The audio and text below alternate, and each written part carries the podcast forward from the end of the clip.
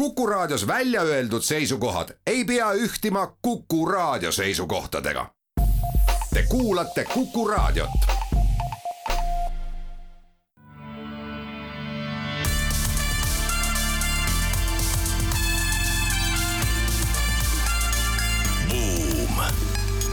buumile annab hoogu SEB Pank. tere päevast, head Kuku raadio kuulajad! Käes on kolmapäev, seitsmeteistkümnes august ja eetrisse läheb järjekordne majandussaade Buum. saatejuhid on Ott Pärna ja Raivo Vare. algatuseks räägime sellest, et Saksamaa näitel, et kuidas Putini ja Venemaa sõda Ukrainas on nii mõnegi Euroopa majanduse unest äratanud seejärel räägime sellest, kuidas tagada, et online ostjad peale uudistamist ikkagi ka jääks ostma ja mis selleks teha on vaja vaatame otsa ka sellele, et suur hulk maailma miljardäre, kes on lubanud praktiliselt kogu oma vara ära annetada, et, et kuhu see raha siis tegelikult läheb? seejärel räägime sellest, kuidas äh, tööle saamiseks oleks vaja leida õigeid soovitajaid, sest see kergendab äh, seda protsessi ja annab selle tulemusi seekordseteks saatekülalisteks on meil Tallinna filmilinnaku juhatuse liige ja eestvedaja Gren Noormets ja Eesti Filmi Instituudi juht Edith Sepp, tere tulemast! Tere! tere! ja kallid saatekülalised aitavad meil täna ka siis Raivoga uudiseid lahti rääkida.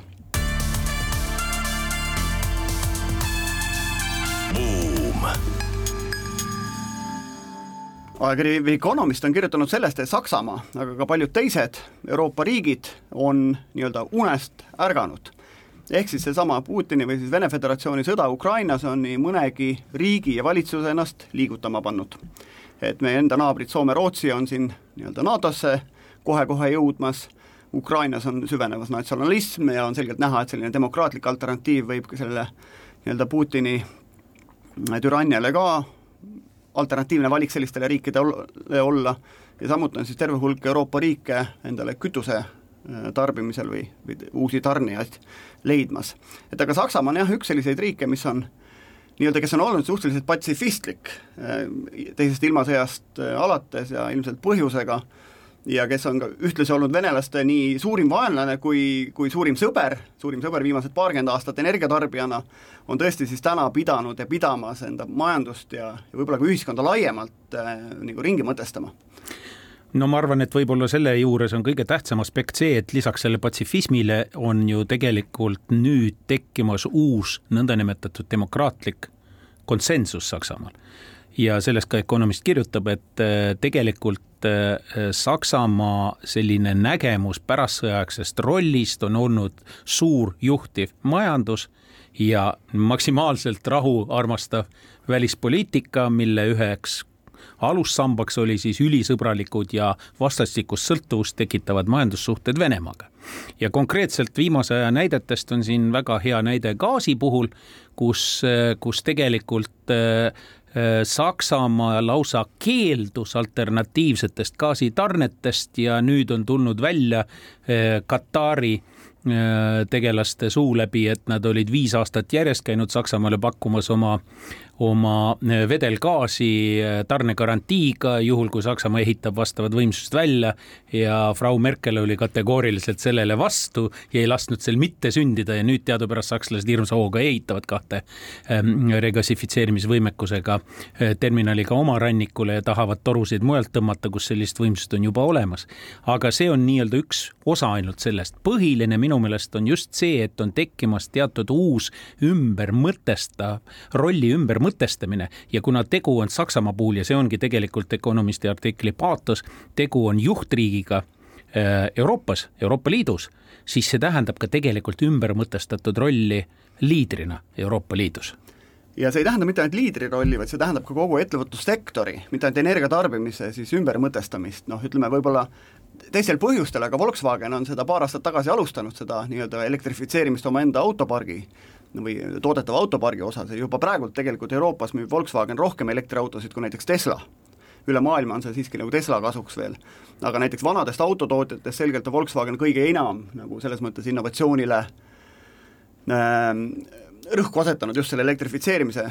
mis mis see mõttes. kui meelde tuletada ühes meie eelmises saates sellest räägitud lugu, et Volkswagen vahetab kontserni juhti siis tuletage meelde, et seal jättes kõrvale taustad, miks seal see võitlus käib ja kes tahab võimule saada ja millised perekonnad valitseda, aga seal on oluline see, et selle eelmise juhi mahavõtmise juures keegi ei räägi tema poolt valitud ja läbisurutud elektrifitseerimise strateegia mitte jätkamisest äh, ette nähtud kujul. vastupidi, räägitakse veelgi selle laiendamisest ja, ja struktuurselt võimestamisest äh, äh, Volkswageni kontserni raames. see on üks osa sellest maailmast, sellepärast et ega ka Saksa majandust, kus on väga palju ettevõtteid, mis on keskmised ja väiksed ja pereettevõtted ja pika ajalooga ettevõtted, siis siiski seda majandust valitsevad suured rahvusvahelised üliekspordile orienteeritud äh, kontsernid. Ja need on paljus rajanud oma äh, nii-öelda tootmist tegelikult äh, suhteliselt odavale Vene äh, sisendite tarnele, jutt ei ole ainult energiast, jutt on ka äh, muudest sisenditest. Ja nüüd ollakse sunnitud seda asja ümber vaatama ja ümber tegema. Ja see on täitsa uus roll ja see on ju roll ka selles mõttes, et ta lia-, veab ülejäänud Euroopat endaga kaasa, nii nagu enne Saksamaa oli mõnes mõttes adekvaatse Venemaa-suunalise poliitika takistuseks omaenese sisemiste loogikate järgi, nii ta nüüd muutub mõneti juba ka vedajaks, olles samal ajal veel ka vanast armust natuke takistaja, vaadates seda, mida näiteks kantsler Scholz viimasel ajal jälle räägib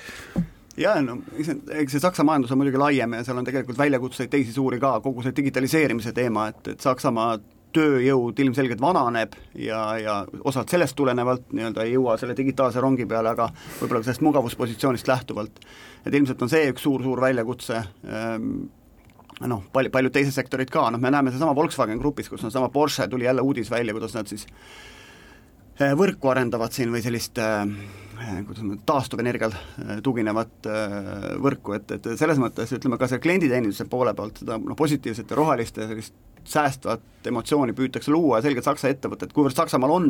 suur osa maailma ägedatest brändidest tegelikult, et siis eks nad püüavad ka seda, seda teha. miks see on oluline, räägin veel põgusalt sellest, et jutt on ka sõjatööstusest ja sõjatööstus on Saksamaal väga tugev iseenesest tehniliselt, aga ta on vahepeal olnud natukene nagu varjus ja nüüd viimase aja sündmused on toonud ta uuesti esiplaanile, see on ühtepidi. teistpidi Saksamaa on ka nagu vedaja olnud väga paljudes eh, valdkondades ja ta on sisuliselt lõpptootja, ta on maailma nii-öelda esieksport eksportöörina Hiina järel on tegelikult ju ka lõpptoodangu eksportöör Euroopast, mille jaoks töötab pool Euroopat piltlikult öeldes. ka skandinaavlased, kelle jaoks teevad meie ettevõtted äh, allhanget, tegelikult teevad seda omakorda nii-öelda järgmise astme allahanget sakslastele, kelle toodang siis eelkõige tööstustoodang, aga samuti teatud kaubagruppide toodang läheb siis üle maailma sinnasamasse Hiinasse kaasa arvatud. ehk siis tegelikult see muudatus, mis Saksamaal toimub, hakkab meid kõiki igal juhul mõjutama ja minu jaoks on see kergelt nagu déjà vu, et seesama Putini sõja õhutamine võib osutuda ju tegelikult katalüsaatoriks, et Saksamaa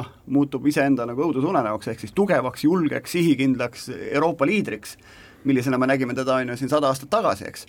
Et,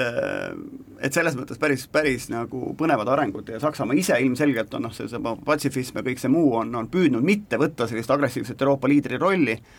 aga täna kõik teda tänitavad, kui ta magab, on ju, oma sõjaväkke ei investeeri ja nii edasi, et, et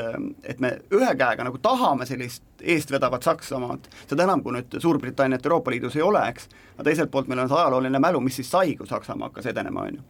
see hirm ei ole veel kuhugi kadunud ja, ja tegelikult me veel näeme selles suhtes eh, vastuolulisi protsesse, aga läheks teise uudise juurde, mis tegelikult on hoopis teisest vallast, ettevõtluse vallast. nimelt on eh, ilmunud ka üks uudis, mis räägib sellest, et,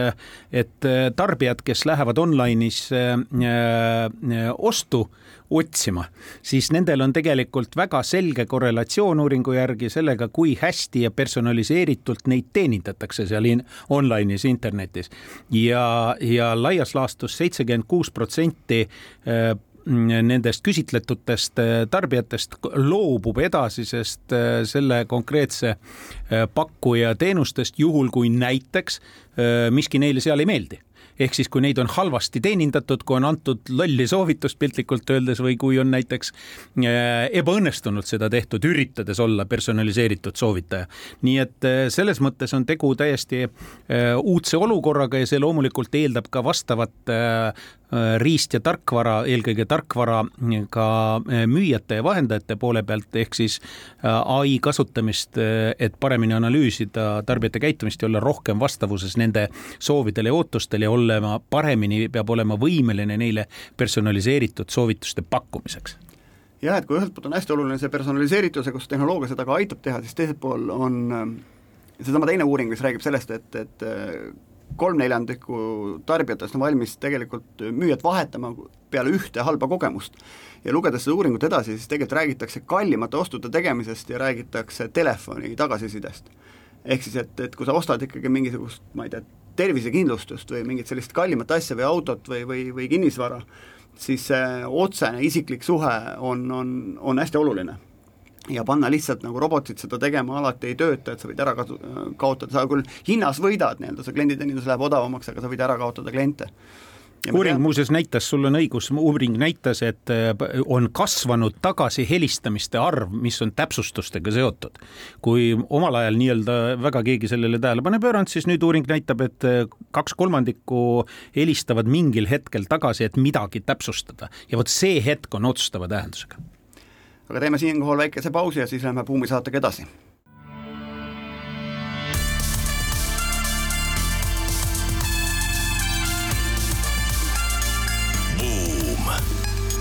buumile annab hoogu SEB Pank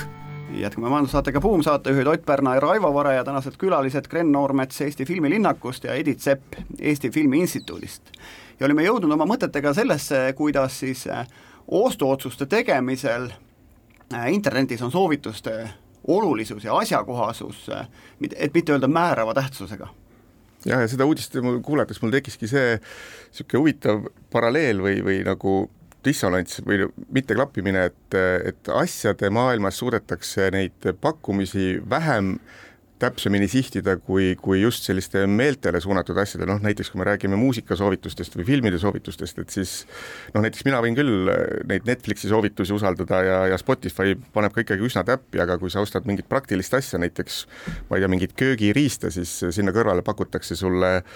ma ei tea, mingit aialabidat, et, et see on nagu küll üllatav jah, et, et, et selline asi pole järgi jõudnud. aga kas nüüd toodete puhul ei ole raskem see klapitamine, ma olen ostnud mootorrattajuppe viimasel ajal ja, ja ütleme seal noh, need asjad peavad üks-ühele klappima, seal ei saa juhuslikku kokkusobivust olla, võib-olla filmid, muusika, rohkem selline emotsionaalne värk, et sulle pakutakse sarnast stiili nojah, aga ma ei tea, mulle tundub seda raskem ära arvata kui see, et, et kas, kas pitsalabidas käib kokku äh, mingisuguse grillsöega või, või kassi kaelarihmaga, noh, et äh, ei ole väga palju vaja mõelda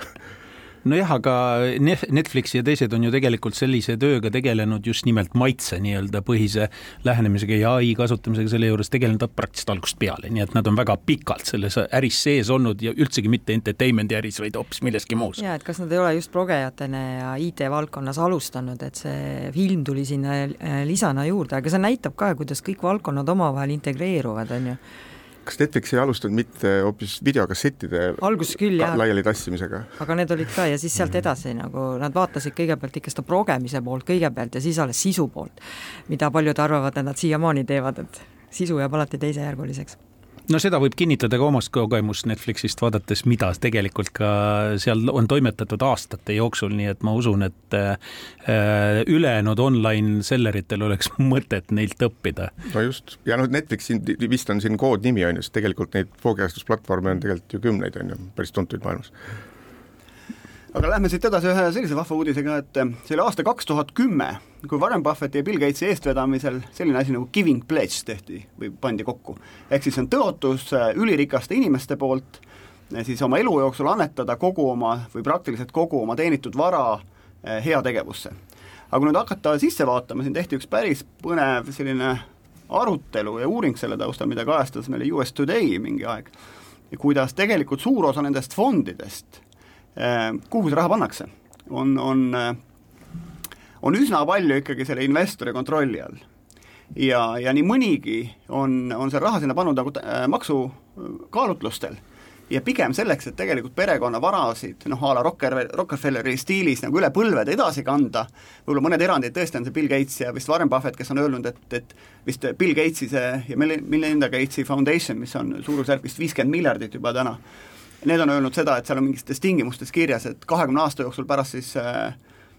perekond Gateside surma peab olema kõik raha ära annetatud. No seal on nagu tegelikult ka eripärad Ameerika süsteemis, kus on tegelikult kahte liiki äh, fondi paigutusvõimalused, ühed on siis sellised fondid, mis tegelikult väga nagu teemat äh, ei kutsu esile, see on siis sedasorti fondid, kus äh, paigutatud, doonorite paigutatud raha kasutatakse vähemalt äh, viis protsenti aastas ja sellise, sealt on muuseas need kakskümmend aastat ka. ja sellisel juhul nad on nii-öelda maksuvabad, aga neid majandatakse äh, nii-öelda eraldi. põhimõtteliselt nende majandamiseks luuakse eraldi kehad, seal on omaette mängureeglid ja nii edasi. aga teine tüüp fonde, mis kutsub esile küsimusi ja mille puhul ka selles uuringus on teatud küsimärke püstitatud, on sedasorti fondid, kus tegelikult fond fondi paigutatud raha osas nõndanimetatud nõustamist teostavad doonorid ise. mis tähendab seda, et nendel tekib võimalus nii-öelda maksudest äh, mööda minna ja kasutada seda raha erineval otstarbel, noh mingitesse raamidesse mahtudes ja olla ise seejuures otsustajad, nii et on vaks vahet, kas otsustab piltlikult öeldes äh, Gatesid otsustavad või Buffettid ise või otsustavad keegi teine nende eest ja siin on see vahe. kui me vaatame, mis numbritest on räägitud, siis on näiteks möödunud aastal on on suurimad doonorid Ühendriikides andnud kolmkümmend kolm koma neli miljardit dollarit nendesse fondidesse. Ja samal ajal kakskümmend viis suurimat on oma elu jooksul andnud üle saja kuuekümne üheksa miljardi dollari praeguse arvestuse järgi. märkimisväärsed summad, aga nüüd tulevadki mängu detailid, millistes peitub ka alati saatan ja üks see saatan tegelikult selle kogu selle asja sees on see näiteks Ameerika Ühendriikidest, kui võrrelda aastat kaks tuhat ja kaks tuhat kaheksateist, siis erasektori annetused, USA-s on väga populaarsed siis erasektori inimeste väikesed annetused, on vähenenud, kui varasemalt oli kuuskümmend kuus protsenti inimestest, kes neid annetusi tegi igal aastal, siis see on vähenenud viiekümnele protsendile. ja selle vastukaaluks on siis väidetud, et suurem, üha, üha suurem osa kõikidest mittetulundusühingutest on tegelikult suurte doonororganisatsioonide rahastuse all ja kui nüüd sealt veel edasi mõelda, siis küsimus on selles, et kas nagu maksumaksja annab soodustusi nendele suurtele filantroopsetele fondidele, selleks et need saaks tegelikult poliitikat teha. ehk siis läbi rahastamise selgelt mõjutatakse nende organisatsioonide tegevust ja nüüd, kui valdav osa finantseeritakse pigem suurte nagu selliste filantroopsete organisatsioonide poolt, siis siis kas seal ei ole mitte väike Trooja hobune peidus? ja seal on veel eraldi muidugi valimistega seotud või poliitikaga seotud fondide puhul on eraldi mängureeglistik, mis seondub nende backside regulatsioonidega, aga, aga tegelikult see küsimus tõesti õhus, õhus ripub, aga kuidas, kuidas nüüd äh, mujale see raha läheb, kuidas ta liigub, me teame Gatesi äh, programmidest rohkem, kuna sellele antakse väga kõva äh, avaliku arvamuse kate peale mõjutamise kate või informeerimise kate, aga me teame väga vähe väiksema mastaabilisest tegevusest ja see on reeglina lokaliseeritud, aga valdkondlikult on ta väga palju seotud ka näiteks kultuuriga, on seotud kunstiga, on seotud filmindusega sealhulgas. kas Eestis ka või? Te olete siin filmiinimesed ja seotud sellega, kas meil ka selline protsess toimub? mul tuleb kohe meelde muidugi äh, Bologna äh, arhiivifilmide festival selle aasta juunikuus, kus Soome äh, seitsmekümnenda aastate seriaalid olid digiteeritud selle erakapitali poolt USA-s et Scorsese'l on ka üks selline digiteerimise fond, kuhu siis tuleb väga palju eraraha sisse, tal on kindlasti väga head sidemed kogu filmitööstusega USA-s ja mul tuli suure üllatusena, et ta digiteerib üle maailma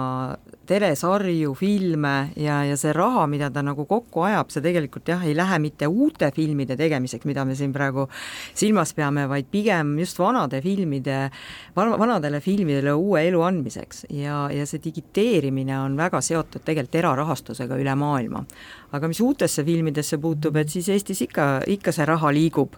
äh, uute filmide tootmisel ja, ja seda, ja seda päris märkimisväärselt, et ma ütleksin, et pigem tõusujoones võrreldes võrreldes just äh, viimaste aastatega, et võib-olla enne Covidit oli vähem, aga kuna sisu tootmine on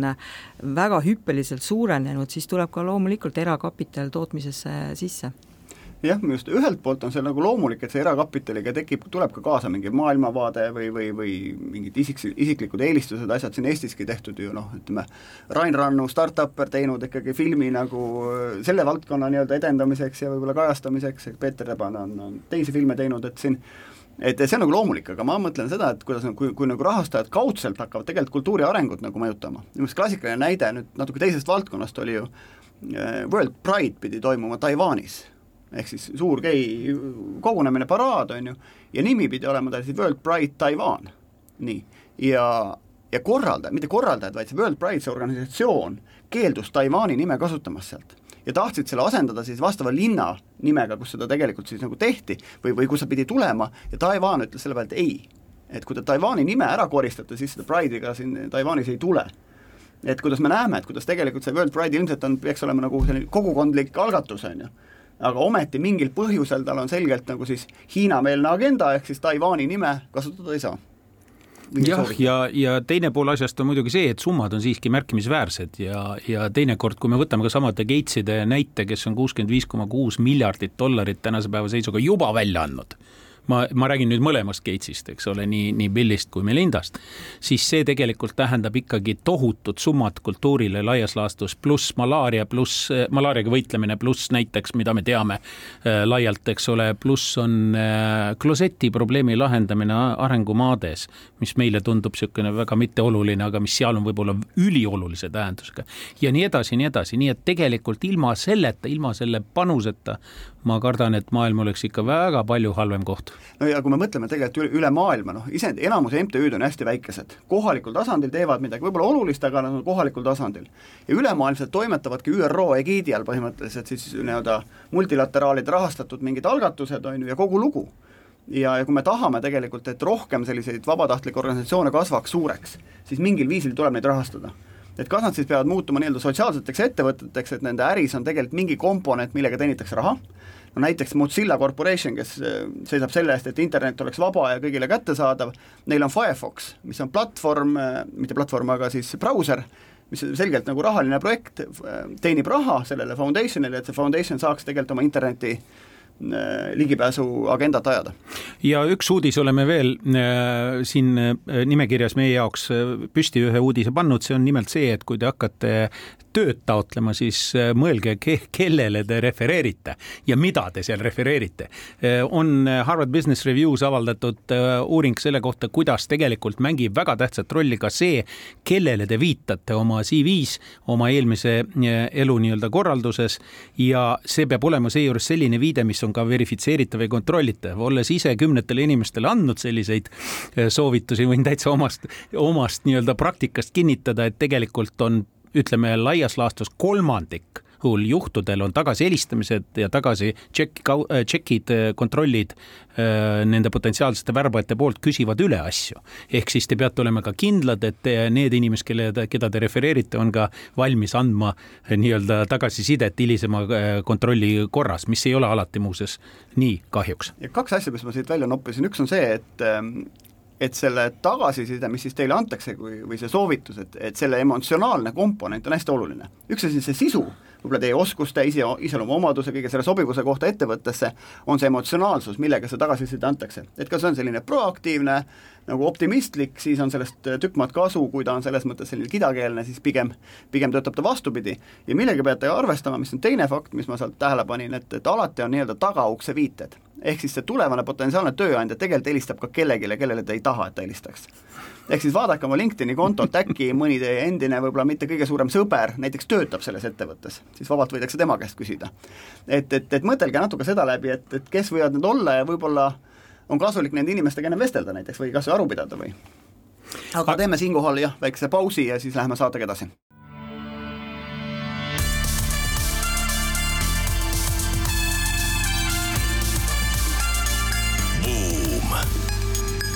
Buumile annab hoogu SEB Pank buumisaade nüüd jätkub pärast äh, reklaamipausi ja me, äh, meil on äh, saatejuhid nagu ikka Ott Pärna ja Raivo Vare ja meil on kaks külalist Eesti filmimaailmast, Ester ja Gren ja nüüd me räägime ka tegelikult sellest edasi, milles, millega me lõpetasime eelmises plokis. nimelt on meie, meile andnud teada SEB Pank, et, et kuus protsenti vaid ettevõtetest praegu prognoosib töötajate arvu kasvu ja tuletan meelde, et siis värbamise probleemid tegelikult saavad olema Äh, palju keerulisemalt lahendatavad ka meie inimeste jaoks. samal ajal SEB Pank on ka nähtavamaks muutunud meie kultuurimaailmas, sealhulgas filmimaailmas, kas on nii? On küll nii jah, et äh, SEB on sel aastal EFTA gala Eesti filmi- ja teleauhindade sponsor, et see on esimest korda, kui nad tulevad meiega, meile pardale ja, ja kuueteistkümnendal septembril siis toimub Alexela kontserdimajas äh, teleauhindade ja filmiauhindade üleandmine ja, ja SEB toetab seda väga jõuliselt sel aastal, nii et, et see side on täitsa olemas see on tore, et, et nii ettevõtted kui ka siis filantroobid jätkuvalt kultuuri toetavad ja mina omalt poolt pean ütlema, et mõni toetab sporti ka veel, et mis, mis on samuti tore. aga meie nii-öelda saate teine pool pidi olema filmiteemaline. me räägime nii Tallinna filmilinnakust kui võib-olla laiemalt filmiäri olemusest ja trendidest maailmas ja võib-olla selle koha pealt hakkamegi pihta. et me teame, et kinno tuleb aeg-ajalt jälle mõni uus film ja, ja me teame ka siin päris vist eh, üks Batmani järg eh, kirjutati korstnasse peaaegu saja sajamiljonise eelarvega, et, et mis need filmiäri trendid õigupoolest on või kuhu poole see maailm läheb? No need trendid on võib-olla väga suures muutumises, et kinokülastajate arv teadupärast kogu aeg langeb, et äh, kui vaadata ka Eesti kinokülastatavuse numbreid, siis aastal kaks tuhat üheksateist ehk siis enne koroonat oli esimeses-teises kvartalis kinokülastajate arv kusagil üks koma kaks miljonit, siis täna on see number nelisada kuuskümmend tuhat äh, külakülastust, et Eestis, Eestis jah aga noh, see on samas ka Poolas näiteks Poolas on see kukkumine olnud kuuskümmend üks protsenti, võib-olla Prantsusmaal vähem, kolmkümmend kaheksa protsenti, me räägime just sellest aastast, ehk siis sellest äh, koroona ajast väljatulemise aastal, et äh, ja et see on põhjustanud siis äh, liikumise VOD platvormidele, et need sisu ei ole enam kinokeskne, et see on võib-olla eelduseks, et filmid tuuakse ikka välja kinos, aga e-, sealt edasi hästi kiirelt liigutakse kohe VOD platvormidele ja see omakorda on siis tekitanud tekitanud selle buumi, et rohkem sisu on vaja toota, et kogu aeg on sisust puudu.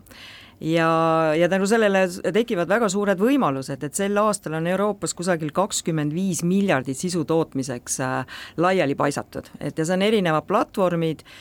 ja, ja Eesti peaks sellega tegelikult kaasa tulema või kaasa minema ja sellest on ka need tingid, tingitud need uued trendid, mis meil siin, mis meil siinsamas oma koduõuel äh, liiguvad, et võib-olla see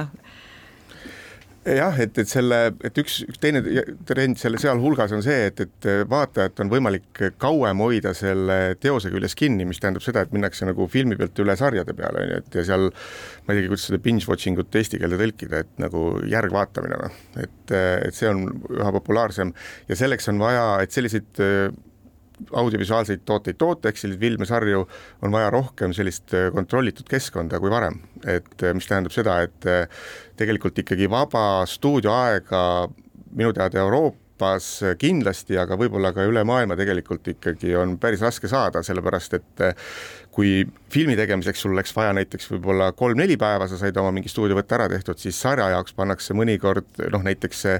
taanlaste Rannamaja stuudio on olnud praegu kuus aastat ainult ühe sarja all kinni, kogu stuudio sada protsenti. Ehk et see nõudlus stuudio ja kontrollitud võttekeskkonna järgi on, on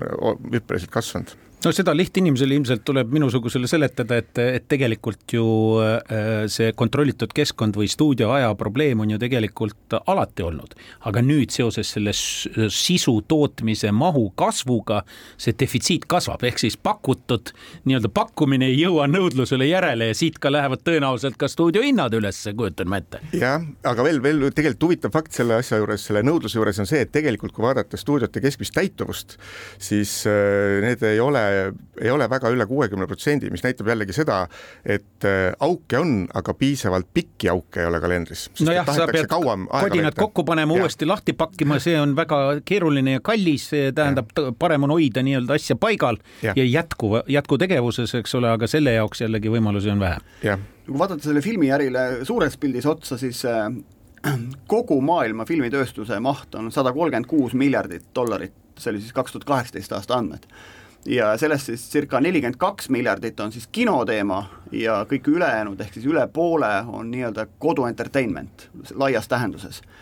ja Hollywood de facto on jätkuvalt kõige suurem nagu selline või nii-öelda selline just filmiproduktsiooni poolest või selline äh, selline keskus, aga samas mahtude mõttes Hiina on kinokülastatavuse osas maailma nii-öelda Ameerika Ühendriigid üle võtnud ja filmi tootmise mõttes on India kõige suurem. Indias suudetakse teha kaks ja pool tuhat filmi aastas. uskumatu. uskumatu no sa räägid kahe tuhande kaheksateistkümnenda aasta Jah. numbritest, et need igal, ka Indias nagu need numbrid tegelikult kukkusid, on ju, et kahe tuhande kahekümne esimesel aastal oli see juba tuhande kaheksasaja filmi peale, aga tõepoolest, et äh, India on kõige suurem tootja ja kummaline on see, et peale koroonat tegelikult Ameerika Ühendriigid ei jõua nagu järele, et Hiina läheb isegi USA-st ette ja, ja toodab rohkem kui tegelikult Ameerika Ühendriigid, et see, see tagasitulemine on väga aeglane olnud, aga siin me räägime kinost, on ju, et kui nüüd vaadatagi, kuhu siis see raha liigub, siis ta tegelikult liigub teiste formaatide peale. et siin me rääkisime praegu, eks ole, telesarjadest ja filmidest, et see on see kõige elementaarsem ja me saame kõigest sellest aru, aga tegelikult on meil ju virtuaalne tootmine ja meil on uued, täiesti uued lühiformaadid näiteks, mida noored vaatavad, et, et see ainult ei piirdu tegelikult teletootmisega, vaid see audiovisuaalvaldkond kogu aeg muudkui laieneb ja suureneb ja, ja haarab endasse kõik need erinevad formaadid, mis on vaja kusagil jälle valmis teha mis on tore ka kogu see nagu noh, virtuaalreaalsuse teema, näiteks kuskilt mängudest alguse saanud asi tegelikult jõuab ka filmimaailma. et need tehnoloogilised trendid on täitsa üks nagu ooper. noh, kuni jah, sinnani välja tegelikult äh, jah, seesama katsetamine, et, et vaataja võib ise valida stsenaariume filmile järjest, on ju, et äh, Black Mirror vist Jah, see oli esimene Netflixil, jah. aga selle virtuaalreaalsusega on veel teine huvitav asi, on see, et, et luuakse ka virtuaalseid keskkondi, kus sa saad filmivõtteid teha ja sul on võimalik äh, investeerida sellistesse keskkondadesse, mida päriselt olemas ei ole, ehk et sisuliselt osta virtuaalset kinnisvara, mida sa saad äh, audiovisuaalsete toodete tootjatele välja rentida, et selline äh, ärivaldkond on tekkinud näiteks no mida, mida ma vaatan veel siin püütakse teha, on et uu-, uued mudelid, kuidas fännide ja töötajatega siis nagu sidestuda nende, nende, nende story'de arendamisel ja noh, kogu see ristmeedia seal taga jah, et film on ainult üks element, seal võidakse teha mängu, võidakse kirjutada raamatut, või oli raamat, ennem siis tuli film, et, et tegelikult nii-öelda sama loo pealt üritatakse nagu väga erineval viisil tegelikult raha kasseerida, võib-olla täiesti erinevatelt segmentidelt äh, turult. ja et tegelikult on ikka see loo jutustamine on see, kus see kõik alguse saab, et alg-, alustasime raamatust, aga tänane loo jutustamine tegelikult on ikkagi audiovisuaalses keskkonnas. et sa ütlesid, et me võime neid uusi äh, vahendeid luua, aga see on ka huvitav, et tegelikult äh, täna me, et kui me tahaksime Eestis kõrbe filmida, siis me ei, tegelikult ei pea enam sõitma kõrbe, vaid võime, võime selle kõrbe virtuaalselt luua Tallinn Wonderlandi stuudiosse just, jah. ja see nüüd jälle omakorda tõstab jällegi, paneb survet sellele stuudio nõudlusele, on ju. ja sa, ja noh, see kõrbe stuudiosse loomise asi ei ole mitte ainult see, et, et see transpordikulu ja kogu selle meeskonna sinna vedamine ja nii edasi, vaid et sa saad seda näiteks seda nii-öelda äh, kuldset tundi, mis on nagu see tagaetav aeg, mingisugune kaks tundi ööpäevas, kus sa saad selle õige valguse kätte ja tegelikult äh, teha endale seitse päeva jutti kakskümmend neli seitse, on ju. teeme siin väikese pausi ja siis tuleme Krenni ja Editiga tagasi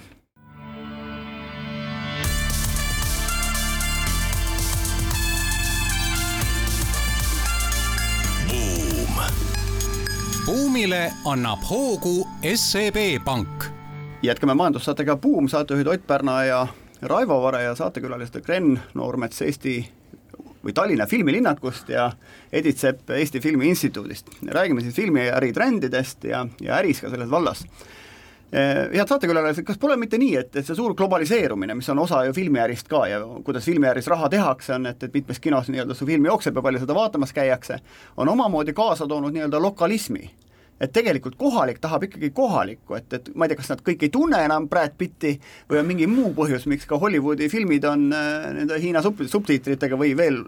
nii-öelda hullem, Hiinas filmitud. jaa, aga Hiina roll ju siin selgelt on ka minu kui lihtvaataja poolt vaadates vähemalt produktsiooni poole peal, nad annavad lihtsalt raha. ka Hollywoodi filmide jaoks antakse täna Hiina raha märkimisväärselt kasvavalt. nii et midagi on maailmas toimumas ka selles mõttes, mitte ainult produktsiooni asukoha mõttes. kas siis Hollywoodi filmid on tsenseeritud ka tänu sellele? Tõenäoliselt on kui vaadata jah, eelmise aasta neid box office'i tulemusi maailmas, siis tõepoolest esimene film on veel äh, USA-st, see on Spider-man, aga teisel ja kolmandal kohal on juba äh, China Media Capitali filmid, mis siis on äh, Hiinas toodetud ja, ja loomulikult saavad ka kõige suuremad vaatajanumbrid ka Hiinas. Ja siis on võib-olla veel üks USA film ja see on jälle Hiina, Hiina toodang, et tõepoolest, et Hiina on tegelikult tõesti esi, esirinnas, kui me räägime box office'ist, aga, aga see näitab ka seda ja tõepoolest, et et need suured filmistuudiod lähevad lokaalsemaks ja nad toodavad rohkem koha peal. Ja seda teeme meie siin kohapeal täpselt samamoodi. aga kas see kohalik film on nagu pigem ikkagi no selline Ameerika popkultuuri nagu kohalik eh, kehastus või see on siis täiesti mingit kohalikku, ma ei tea, maailmakorda, poliitikat, eluolu nagu kajastav hoopis mingisugune teistsugune toodang? ja kohaliku maitsega arvestav jah, et, et Hispaania turule toodetakse Hispaanias, Lõuna-Korea turule toodetakse Lõuna-Koreas, et seda, seda on väga märgata jah, ja seetõttu on ka näiteks nendesse kohtadesse selliseid neid samu stuudioid ka rajatud, mida, kus varem pole olnud ja Eestis toodetakse Eesti turule, nagu just. me nägime esmaspäeval just linastus äh, Melchior, see on täpselt Eesti turule toodetud toode ja seda saab vaadata kui eraldi filmina, aga samas on ta ka maha müüdud Amazon Prime'ile, et seda saab vaadata ka online äh, platvormis. siis kõik kolme? kõik kolme ja noh, ma ei tea, kui suur saladus see on, et tegelikult sinna tuleb veel järg. järgi. Järgi.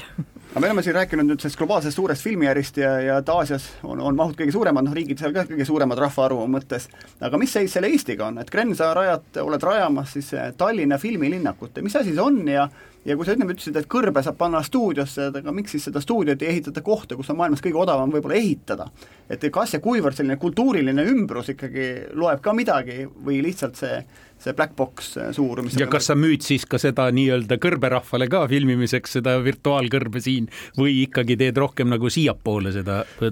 turundust? jaa, aga eestlased ikkagi tahavad ka filmis võib-olla kõrbe näha kuskil, et see võib olla Eesti film, aga, aga, aga keegi noh, reisinud näiteks kuhugi sellisesse kanti või mingi tegevus toimub seal. aga põhi, põhjus on ikkagi jah, see, nagu sai õige öeldud, et, et kõik need Äh, kohal, kohalik nõudlus on kasvanud, et enam väga ei vaadata selliseid nagu ma ei tea, suuri globaalseid filme, et, et tähtis on see kohalik äh, puudutus või touch sealjuures ja, ja see on ka põhjus, miks igale poole on tekkinud äh, sellistesse uutesse kohtadesse, kus varem ei ole olnud väga suur see audiovisuaalne sektor, väga suur ärivaldkond on, on jalgu alla saamas ja sama toimub ka Eestis. Ja see, miks siia tullakse, ongi see, et, et siin on need kohalikud tegijad olemas ja tegelikult ega äh, on ka äh, väljaspool Eestit märgata nõudlust, et tahetakse Eestis teha tänu Eestis olevale meeskonnale ja siin nendele tegijatele oot-oot, tegelikult me müüme siis mitte ainult võimalust teha nii-öelda natuuri, vaid me võime, müüme võimal-, ka, ka tegijaid, me müüme tegelikult kruusid. just, just nii, just ja, ja, ja väga oluline roll sellel tekkival võimulinna, filmilinnakul on ka see, et kasvaks peale noort järelkasvu, et uued peale, noored värsked pealetulijad saaksid praktikat siin, nad ei peaks kuhugi Taani või, või kuhu, kus käiakse Iirimaal ennast täiendamas ja koolitamas, et see praktika saab siin Eestis kätte, saaks kätte. et meil oli üks rahvusvaheline uurimustöö ja see saab just valmis, Olsberg SB tegi meile sellise analüüsi eelmise aasta, kahe tuhande kahekümne esimese aasta allhankefilmide kohta, mis Eestis filmitud sai. ja see, see uurimus näitab, et, et me, et uusi töökohti loodi sada kaheksakümmend üheksa saja kaheksakümne üheksale inimesele. et, et inimesed tulevad valdkonda, nad jäävad valdkonda ja nüüd on vaja nendele inimestele, kes valdkonda tulevad, kogu aeg tööd kindlustada. ja see on see põhiprobleem, et üks on muidugi see, et nad saaksid Naturas filmida, saaksid siin võttekohtadel käia, aga teine ongi, et, et see tegelikult see stuudio olemasolu kahekordistab seda võimalust, et need tootmised Eestisse tuleksid ja needsamad sada kaheksakümmend üheksa inimest jätkaksid järjepidevalt tööd. aga ma tahtsin veel Grenile kommentaariks öelda, et üks asi on see kõrbeteema, mis meil on siin niisugune aktuaalseks muutunud, aga praegu meil on äh, äh, selline projekt pooleli Estoniast, sellest äh,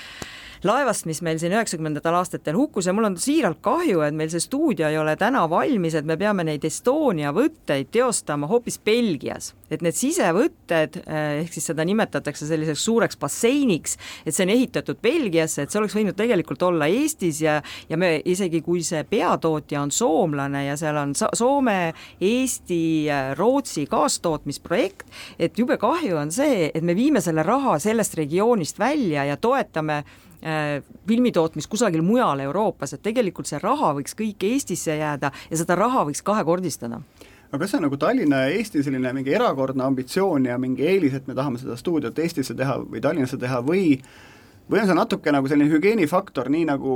vähegi rahvusvahelises konkurentsivõimelises linnas on, ma ei tea, konverentsikeskus, mingi messikeskus, seal toimuvad mingisugused sümpoosiumid, mingid otsused võetakse vastu, siis samamoodi sellises linnas peaks ka olema mingisugune filmistuudio, seal tehakse mingeid ägedaid filme, et see on osa sellisest suuremast paketist, kui me tahame selle riigiga nii-öelda ja linnaga kallimaks ja ma ei tea, selliseks äh, rohkem rahvusvaheliselt pilti saada. ja ma tuletaksin siis siinkohal meelde, et Eestis on filme tehtud üle saja aasta, juba sada kümme aastat ja meil on olnud stuudio Tallinnas, Tallinnfilmi äh, stuudio ja paviljon, et selles mõttes see kogemus on meil olemas, et meil on lihtsalt tekkinud selline auk ja tõepoolest, see on täna tegelikult hügieeninõue, et üldse turul püsida Tallinnfilmi stuudio teadupärast Nõmmel on ju tegelikult nüüd kinnisvaraarendusprojekt. ja mi-, ja see ehitati Aedvilja laoks tegelikult, et ega, ega me seda tagasi ei igatse, et tänapäeval on see tehnoloogia nii palju arenenud, ega me täna ei saaks seal võtteid äh, teostada, et meil Lätis on üks stuudio, mis on nõukaajal ehitatud ja seal on nagu suhteliselt keeruline neid tänapäeva võtteid läbi viia, et sellepärast ongi see stuudio nagu väga äh, niisugune uuelaadne ja kaasaegne projekt, et seal on kõige viimane, viimase aja tehnika sees. Jah, ja mis no te, jah, ja tehnika, tegelikult väga suur, enamus tehnikat tuuakse ikkagi selle produktsiooniettevõtte poolt stuudiosse kaasa, et sul peab olema seal selline elementaarne valmidus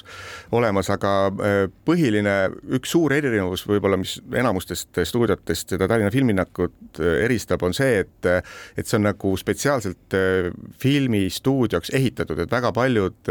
stuudiod on mingist vanast katlamajast või tootmishoonest ümber ehitatud, aga, aga meil on ta algusest peale projekteeritud filmistuudioks. ja noh, kus see tähtis on, on see, et, et see äh, helikindlus näiteks ja inimeste liikumine näiteks, et kui sul on mitu erinevat stuudiot, äh, siis äh, et seal paralleelselt saaks koos olla erinevad projektid sees niimoodi, et näitlejad omavahel kokku ei puutu, noh, üks on see, et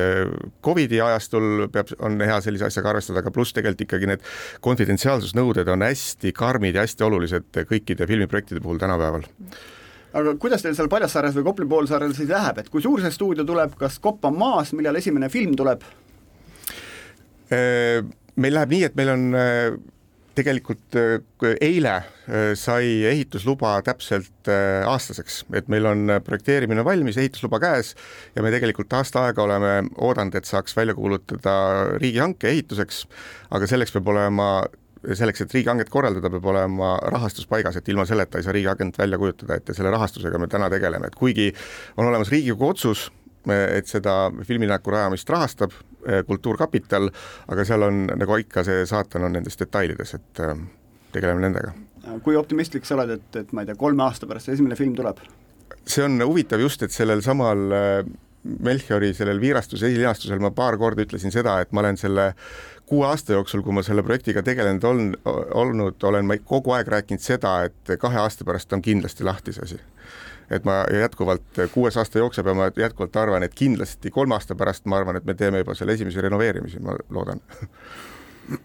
väide on õige, lihtsalt alguspunkt on kogu aeg nihkes olnud. täpselt ja täna siis, kui suurest rahast me potentsiaalselt võiksime rääkida, no andke kas või aimu kuulajatele, mis, mis see tähendab rahaliselt Eesti majandusele ma siin toon ühe näite, on see, et, et äh, natuke aega tagasi äh, küsiti, et kas saaks stuudioaega broneerida, et on üks kuuemiljoniline projekt eh,, tahaks järgmise aasta sügisesse aega panna, ma ütlesin, et ma kindlasti nagu seda kalendrisse lubada ei suuda ja ei julgeks ja selle peale läks see kuuemiljoniline projekt ära Maltale. aga stuudio jaoks oleks see tähendanud ainult kahte protsenti sellest kuue miljonist eelarvest. et Eestil jäi seetõttu, et stuudiot ei olnud, saamata viis koma üheksa miljonit aga andke üks viimane soovitus siin Eesti siis noortele, võib-olla inimestele laiemalt, et kas filmi tasub õppima minna pärast keskkooli ja teiseks, et kas film on mingi asi, mi-, mida võib ka ümberõppe võttes nagu mõelda, kui me räägime sellisest täiskasvanu koolitusest? jah, ma lõpetaksin võib-olla siis jah, Rain Rannu sõnadega, et, et noh, te, tema ju tegeles väga palju just selliste äh, startup idega ja kui Rain Rannu juba ütleb, et film on järgmine Eesti startup, et siis tasub teda uskuda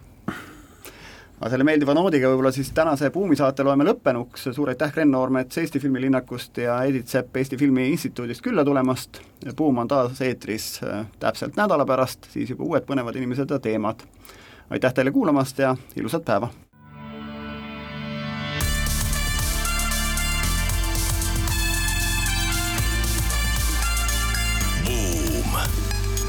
Buumile annab hoogu SEB Pank